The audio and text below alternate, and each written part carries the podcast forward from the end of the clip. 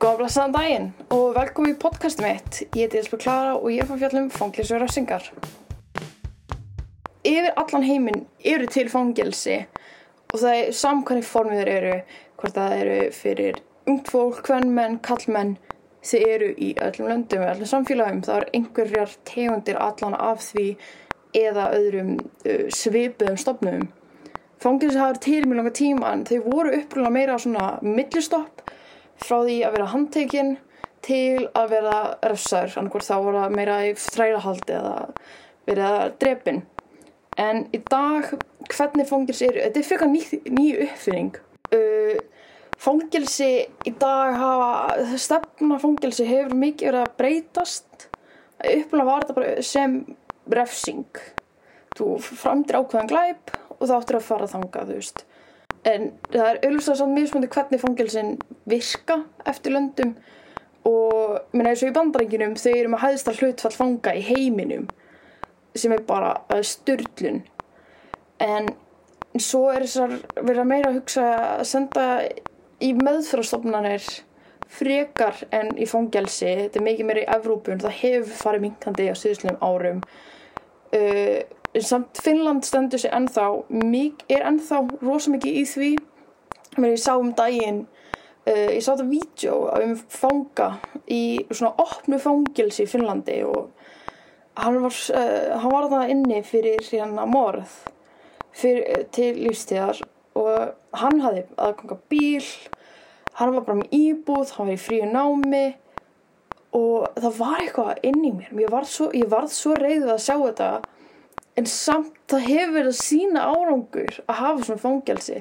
Að þeir sem er komið út úr svona fangelsum eru mun minna líklæri til að fremja aftur afbrott en þeir sem komur fangelsum eins og bara þessu tífiskusu í bandrækjunum þar sem þau, fólk er bara læst alveg inni og það er ekkert raun gert til að reyna að veita um aðstóð eða að laga haugðun þeirra eða skilja af hverju þeir haugða þessi svona.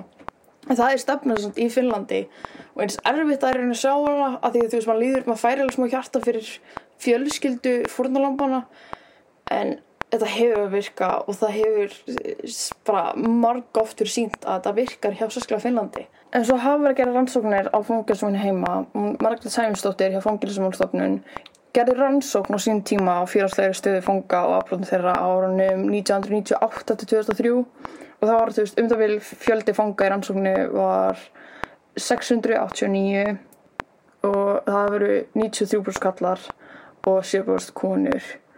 En svo yngsti var 16 ára en svo eldsti var 74 og meðaldur var 27,9 ára.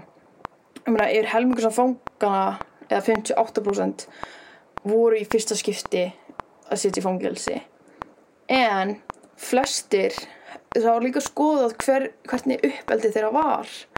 Og flestir af þeim hafði auðvist upp hjá tveimur fóröldrum eða fullorðnum eða forráðamennum uh, þeir hafði flestir að verið með fasta búsætu ég meina 7% af þeim hafði búið á gödunni og helmingur fangana byggur Reykjavík. En það áhugaverðast að við þetta er að um það fyrir helmingur fangana hafði ekki eða aðeins þó ekki grunnskólaprófi sem sýnir hversu mikið mentun hefur áhrif á þetta og hvernig er hægt á að nýta mentun til að stoppa uh, afbrott að reyna að tryggja að allir séu að fá mentun það hefur, það hefur þarna sérst það er alveg stór hluti hérna í fangelsum sem er ekki með mentun meir hlut, eða meirinn helmingur. Uh, sem veist, það líka búið saman við hlutveitinu við samfélagið og þú voru auðvitað mjög hærra uh, í fangelsi. En svo varandi refsingar. Ok það eru sem sagt svona fjórir punktar sem er fylgdir. Það er maglega málagjöld, vitið til varnar endurhæfing og samfélagslega vörn. Maglega málagjöld. Af, afbrotumadurinn á að þú veist að fá réttlæta réttlæta, réttlæta refsingu um, ég meina til að uh, þessi almenna skoðun að til að viðhalda þessu jafnvægi. Hann ger ákveðin glæp og hann á að fá refsingu sem er sambærleg við glæpin hvað var þar alvarleika. Og svo uh, vitið til varnar þá á þú veist refsingin á í raun að vera að ko, uh, á að draga úr löngun til að fremja glæp. Sem sagt ef refsingin er sásökafullri verri en gleðin sem kemur úr að fremja glæpin til að þá reyna að nota það til að koma í veg fyrir að verður framið brot. Svo er endurhæfing og þá er uh, afbrotmaður settur í einhverja ákvæðan meðferð til að koma í veg fyrir að hann gerir þetta aftur. En það er bara ekki það mikið gert. Nema í einhverjum örfónum löndum eru heiminn. Við vitum það. Sem ég skil ekki að við vitum það virkar við höfum séð það eins og ég nefndi í Finnlandi þar sem það er verið að þeir, þú veist, fangilsi er hægt að nýta sem meðferð. Þetta getur eitt staður þetta getur einn stopnun og það er hægt að nýta það. Og svo er samfélagsvörð samfélagið þá getur tekið afbrotumenn úr umferð. Á tímbundið eða alfarið þá er tímbundið settir fangilsi og alfarið tekin að lífi sem ég bara stið enga veginn, mista fánstöður í heiminum bara ha, af því það er oft þetta nota þar sem það hefur ekki sem verið fram um orð þá meira við mjög alvarlega líkamsársir eða ofbeldi í langbarandi tíma og þá maður sér það ekki hérna heima eða í mikið alveg í Evrópu. Þetta er aðalega í Ameríku eða Norður, Suður Ameríku og í Asíu og í Afríku, ok, Evrópa er eina heimsálvan sem gera það ekki eða hljóna í Jálfi og Antartíku en sko döðræsingin, þú veist, hún, hún tekið nú gildi hérna 1928 og það við þekkjum flestina seinasta málið. Og fræðum að það er alltaf að heyra það maður fyrir reiki. Þetta eldra fólki kannski ekki það mikið við að fá, fá að heyra söguna bara reikjum en við kannski aðeins yngra fólki þekkjum það. En hversu vel virkar refsingar og hvernig refsingar virka best? Af því að þú veist ég er á því svo, skoðun að refsingin að setja ykkur í fangilsi það getur virkað. En bara hvernig fangilsi er, hvernig er meðhandlað fangana, hvernig hver stefnan er fangilsisins breytir svo miklu. Að því hvort að þú ert að setja eitthvað í fangilsi fyrir að hafa framiglæp og hann er bara að setja hana í hópi af fólki, það er engin í raun stjórn, það, þú veist, jú það er stjórn en hún er bara, hún er rosaleg. Það er enginn svona það er enginn að sjá upp á andlega heilsu eða hvernig hann líður af hverju gerði þetta. Svo ég sagði það á þann sem ég skil ekki að ég ætti að nýta það meira. Uh, en líka annað með þessar refsingar er hvernig er hægt að dæma hvað er rétt út refsing? Ég meina ok, uh, segjum ykkur fremji kynfærslega ofbeldi gagvart uh, ungum aðila hvernig er hægt að færa það yfir í refsingu? Af því þú vilt þetta hafi sami gildi. Er sama alvarleika í raun. Þú veist, er 10 ár, 15, 20 ár að fangilsi eða og gera eitthvað meira og hann að borga hann að skadabæt uh, miskabætur. Hvað er réttlátt?